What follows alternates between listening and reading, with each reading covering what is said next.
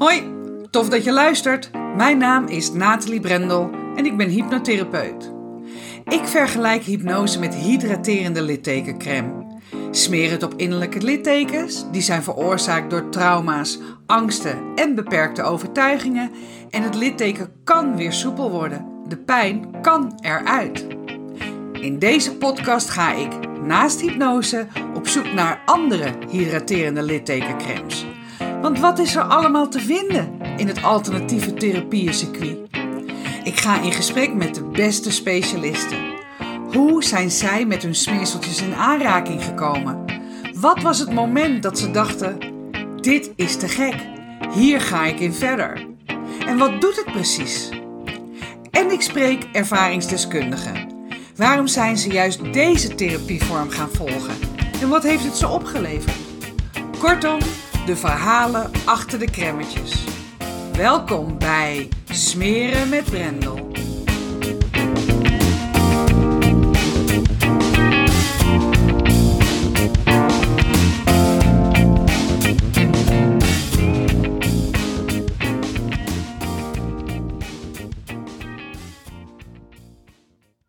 Ken jij de Saar-podcast? Als je een mannelijke luisteraar bent, waarschijnlijk niet. Maar de meeste vrouwen zullen de Saar-podcast wel kennen. Het is een podcast voor 50-plus vrouwen. En wat ze zelf zeggen, die nog lang niet dood zijn. En die podcast die is vorig jaar, um, volgens mij ergens in maart, gestart. Door de oprichters van het Saar Magazine. Um, Barbara van Erp, Femke Sterke en Els Rozenbroek. En het mooie van deze podcast, in ieder geval vind ik, dat uh, alles open en bloot besproken wordt. En roddels en taboes nou, niet echt worden geschuwd. En uh, ja, er mag gelachen worden om je eigen ellende. En dat, uh, en dat vind ik altijd wel grappig. En toen ze de podcast startten, waren ze dus met z'n drieën. Maar al in aflevering 2, en het is een wekelijkse podcast, werd duidelijk dat Els een uh, agressieve vorm van kanker had en dat ze ook niet lang meer zou leven. En dit uh, topic behandelde ze dan ook in het uh, kankerminuutje van Els. nou, zoals ik al zei, alles werd besproken en ook op een luchtige en grappige manier. En nou, zeker ook um, dat heeft enorm bijgedragen aan, um, aan het succes wat deze podcast werd. Want het werd gewoon gelijk een hit. En volgens mij zijn er nu al meer dan 25.000 luisteraars. En die vrouwen doen echt van alles en nog wat ook erbij. En ik, uh, ja, ik hou, ik hou gewoon van deze manier van communiceren. Alhoewel ik regelmatig ook de gedachte heb, terwijl ik aan het luisteren ben. Poeh, ik kon het leven wat zij uh, aan het leiden zijn echt niet uh, veel langer zo volhouden. De drank, het eten, de overuren het draaiende houden van het gezin. Al die ballen die in de lucht moesten worden gehouden, wat anderen wel niet van je vonden. Ik vond het best wel vermoeiend, dacht ik vaak ook. Maar ja, het was wel heerlijk vermaak om uh, naar te luisteren. En helaas is Els dus eind augustus vorig jaar overleden. En toen zijn Barbara en Femke met z'n tweeën verder gegaan. En ja, dat is eigenlijk ook super tof. Ze hebben leuke gasten en ze zijn super goed op elkaar ingespeeld. En nou ja, de schaterlach van Femke is heerlijk om naar te luisteren. En het kankerminuutje van Els werd vervangen door het uh, alcoholminuutje van uh, Barbara. Waarna ik Barbara ongevraagd ook nog eens een keer een filmpje heb gestuurd via LinkedIn. Dat ik haar graag zou willen helpen met hypnose. Want ze was, uh, geloof ik, bij, weet ik veel, nou, ik weet niet eens waar ze naar de AA of zo. Nou, in ieder geval. Het was misschien wat uh, onbeleefd en direct. Maar ja, dat was ook mijn enthousiasme, omdat ik weet dat uh, hypnose zo waanzinnig kan helpen. Afijn, nooit iets over teruggehoord. Maakt ook helemaal niet uit. Ik luister gewoon met regelmaat. Niet elke week, maar ik vind het een verfrissende en fijne manier van communiceren dat die meiden hebben. Ja, en ik ben gewoon doelgroep, zo simpel is het. Totdat ik dus van de week van een kennisje hoorde dat die Femke met burn-out-achtige klachten thuis zit. En ik dacht, hè? Hoe dan? Vorige week zat ze nog schaterlachend achter de microfoon. En nu zit ze thuis? ik was werkelijk een beetje in shock. Want wat is er gebeurd en hoe komt het dat hier niets over gezegd is tijdens de podcast? Hoe heeft ze het dan zo lang volgehouden? En is het onbesproken gebleven? Nou, ik ben gelijk gaan luisteren en in de eerste aflevering zonder Femke zegt Barbara dat pas die ochtend, dus de ochtend van het opnemen van de podcast, de man van Femke haar heeft gebeld om te zeggen dat Femke niet komt en bij haar ouders zit. Stel je even voor, hè. Je laat je man dus bellen naar je compagnon en je vriendin om te zeggen dat je niet komt. Dat je het niet aan kan. Ja, dan is er serieus wat aan de hand hoor. Dan gaat het echt niet goed, meentje. Want ja, die vrouwen die houden gewoon van elkaar. Dat, dat, dat voel je aan alles. En dat ze dan niet kan bellen. Dus ik hoorde ook het ongeloof en zelfs de ontreddering bij Barbara. En haar stem lijkt zelfs wel een aantal octaven hoger dan uh, normaal te zijn. In de daaropvolgende aflevering is Femke dus nog steeds ziek. En Barbara die geeft als reden, ja, Femke heeft een autistische zoon en die drijft haar wel eens naar de afgrond. En ik denk, nee, Barbara, deze schuld mag je niet bij dit jongetje neerleggen. Hij is niet verantwoordelijk voor zijn moeder en ook niet verantwoordelijk voor hoe zijn moeder zich voelt. Nou ja, ze heeft geen contact nog in die aflevering met haar gehad en zegt zelf dat ze ja, er een paar nachten slecht over heeft geslapen. Maar um, ze zegt ook van ja, het is het nieuwe normaal aan het worden. En ik denk, hoezo het nieuwe normaal? Er is fucking helemaal niets normaals aan dat je vriendin, je compagnon, je collega er zo af ligt. En jij daar blijkbaar met je neus bovenop hebt gezeten, maar het dus ook hebt gemist. Daar ga je jezelf gewoon vragen over stellen en dat is gewoon helemaal normaal.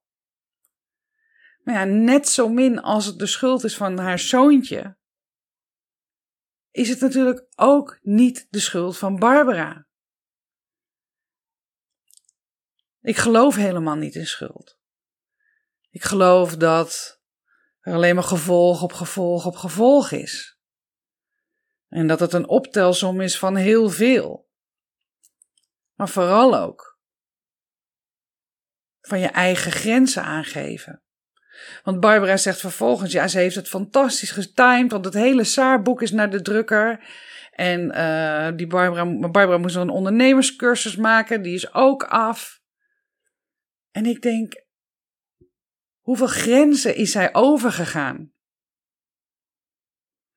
Nou, en in de laatste podcast, dat is die van afgelopen zaterdag, zegt Barbara dat ze nog steeds helemaal in de war is omdat Femke er niet is. Ja, en dat snap ik. En een andere vriendin die daar dus ook zit, die zegt, die is dus wel bij Femke geweest en die zegt ze moet heel erg rusten. En dat is moeilijk voor Femke. Nou, vervolgens blijkt er daar op die hele redactie. Uh, wat mensen te zijn die ja, over hun theewater gaan. En ik denk bij mezelf: wat is hier gebeurd?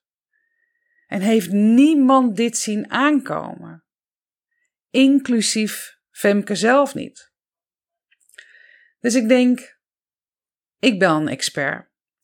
En ik heb gesproken met uh, Tineke de Blank en zij geeft coaching en advies aan het bedrijfsleven, vooral op het uh, gebied van stress en overspanning en burn-out. En ik heb haar de volgende vraag gesteld. Hoe kan het dat iemand die wekelijks schaterlachend een podcast maakt en ogenschijnlijk vrolijk en opgewekt door het leven gaat, er zo van het een op het andere moment helemaal aflicht. En Tineke gaf aan dat mensen in deze situatie anderen, maar vooral ook zichzelf, van alles wijs maken. Dat ze smoesjes bedenken over de oorzaak waarom ze zich niet zo goed voelen. Dat ze zichzelf sussen met woorden als Nou, het komt wel weer goed. Als dit project is afgerond, dan gaat het wel weer beter. Nou, voor vrouwen dat het misschien, hè, het is de overgang. Of dat men denkt van, nou, lichamelijke ongemakken er gewoon bij op mijn leeftijd. Of ik moet wat beter slapen. En in Femkes geval natuurlijk ook het overlijden van Els, wat erin heeft gehakt. Want als ik haar columns dan ook teruglees van na het overlijden van Els, denk ik, ja, volgens mij geeft ze hier allemaal signalen. Ze schrijft bijvoorbeeld dat ze zo moe is en ik sleep mezelf door de dag en het liefst zou ik vier weken slapen. Aan de andere kant zegt ze, ik slaap slecht van de stress. En ik heb een podcast geluisterd waarin ze dat sowieso al aangeeft dat ze heel slecht slaapt. Ze schrijft, uh, ze schrijft ook ergens van: Ik zet mijn podcastgezicht op. En stelt zichzelf de vraag: Hoe ga je uit als je de rest van je leven de hele dag aan moet staan? En vooral ook dat moeten. En het enige wat trouwens echt helpt is een pammetje, schrijft ze ook ergens. En ik denk: lapmiddelen, doekjes voor het bloeden. Dit was in het begin van dit jaar. Hè? Dat is gewoon nog, ja, weet ik veel, nog geen tien maanden terug. En uiteraard is het goed dat Femke nu rust neemt. Maar daarnaast hoop ik dat ze zichzelf de moeilijke vragen gaat stellen. Vragen als: wat zijn mijn copingmechanismes? Hoe los ik de dingen altijd op? En waar komen deze patronen vandaan? Welke trauma's heb ik aan te kijken? En mind you, hè, een trauma kan zeven generaties worden doorgegeven. Dus het hoeft niet eens van haarzelf te zijn. Maar ook vragen: wat heb ik anders te doen? Hoe leer ik weer luisteren naar mijn lijf? En hoe kies ik voor mezelf? En het belangrijkste, hoe ga ik dat ook integreren in mijn leven? Ze zegt namelijk ook in een interview: Ik wil wel gezond oud worden. En wellicht is dit dan het moment hè, waarop ze weet dat ze het anders wil gaan doen. Dat ze uit haar eigen red race wil stappen en meer balans in haar leven wil creëren.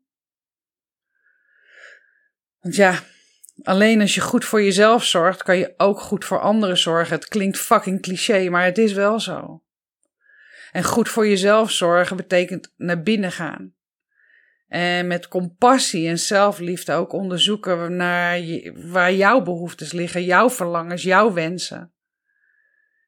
En om echt die deep dive te gaan maken. Wat is belangrijk voor mij? Waar word ik gelukkig van? Ja, en ik zou er echt willen aanraden om alternatieve therapievormen te gaan volgen. Gewoon om te kijken hoe je zowel mentaal, emotioneel, fysiek en wellicht ook spiritueel weer in balans kunt komen. In plaats van dat je de quick fixes hebt van een, uh, weet zo'n ding, pammetje, een uh, pam of zo heet het geloof ik. En ik weet het, het is simpel lullen, maar zeker niet makkelijk. En dat uh, doet me denken aan een mooi verhaal wat mijn uh, vriend uh, Joe vaak vertelt over koeien en bisons. Beide voelen bewust een storm aankomen. Maar wat doet de koe? Die probeert hem te ontlopen en die rent dus van de storm af. En het lukt natuurlijk niet, want hij wordt natuurlijk ingehaald. En daardoor loopt hij veel langer dan nodig is midden in die storm. Waar de bison zich juist omdraait in de richting van waar de storm vandaan komt. En als de storm hem bijna bereikt heeft, begint hij te rennen richting de storm. Dus hij krijgt de volle laag op zijn kop. En dat doet pijn. Dat valt echt niet te ontkennen. Maar hij is er ook veel sneller doorheen. En kan daardoor de storm achter zich laten. Maar ja, zoals ik al zei, het is simpel, maar niet makkelijk. Dus lieve Femke en Barbara, maar vooral ook leuke Femke en Barbara, ik wens jullie heel veel sterkte met deze storm, ieder op zijn eigen manier. En ik ben heel benieuwd hoe jullie hiermee omgaan. Want als je doet wat je tot nu toe hebt gedaan, dan krijg je wat je tot nu toe hebt gekregen. En jullie zijn veel, veel te leuk samen. En ook veel te belangrijk voor de lezers en luisteraars van Saar om hier niet volle bak mee aan de gang te gaan. Uiteraard zonder een zweefteef te worden, hè? want daar gaan we natuurlijk ook niet aan beginnen.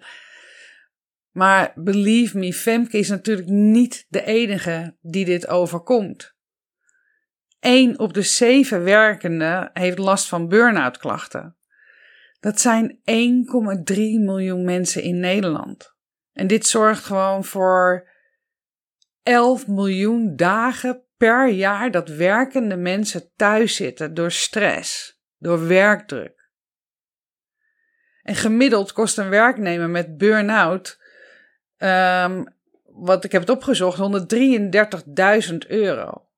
En zelfs als een werkgever een goede verzuimverzekering, ziekteverzuimverzekering heeft, en dat uh, loon, uh, loon doorbetaald wordt vanuit die verzekering, dan nog kost het een eh, werkgever gemiddeld bijna 73k. En ook al zijn ze niet thuis, maar komen ze gewoon wel naar het werk. Werknemers die doorwerken met burn-out klachten hebben een productiviteitsverlies van 25 tot 50 procent. Bizar toch? En dat is alleen op het werk. Moet je nagaan hoe ze zich ja, thuis voelen. Hoe, hoe daar de productiviteit en, en, en, en de verbinding vermindert. Dus neem het serieus en schakel ook vooral hulp in. Er zijn zoveel manieren om weer dichter bij je essentie te komen, weer balans in je leven te ervaren. Maar je hebt daarin kleine stapjes te nemen en nieuwe routines voor jezelf te ontwikkelen. En ik herken het, hè. Ik heb er dan niet zo van het ene het andere moment afgeleverd als Femke, maar de houdbaarheidsdatum van mijn levensstijl was ook verlopen. En hoe blij ben ik met de stappen die ik de afgelopen jaren heb gezet. En vooral ook de toegevoegde waarde die ik nu zelf mag leveren aan mensen op hun zelfontwikkelingspad met hypnose en met mijn van hart naar hart programma. Dus mocht je je herkennen in het verhaal van Femke, voel dan welke stappen jij te zetten hebt. En kan je hier hulp bij gebruiken, aarzel dan niet om contact op te nemen met je werkgever, met een vertrouwenspersoon. Deel hoe je je voelt en laat het niet zo ver komen dat je helemaal over je grenzen heen gaat en vervolgens zo ziek bent dat je niet meer op of om kan. Ik zal in de show notes ook uh, de gegevens van uh, Tineke de Blank uh, vermelden. Um, en je kan natuurlijk ook altijd um, contact opnemen met mij. Ik wens je voor nu een hele mooie dag. Bedankt voor het luisteren naar Smeren met Brendel. Vond je dit een toffe podcast? Laat dat dan vooral weten door een 5-sterren review achter te laten. En ken je iemand die deze podcast vast ook interessant vindt? Dan zou ik het waanzinnig waarderen wanneer je hem deelt. Wil je het direct weten als de volgende podcast Smeren met Brendel klaar staat? Klik dan in jouw podcast-app op de button subscribe en je ontvangt direct bericht als de nieuwste podcast online staat. In de Spotify-app kan je zowel het beoordelen als het delen en het volgen van deze podcast heel eenvoudig regelen door op de drie puntjes te klikken. Super bedankt!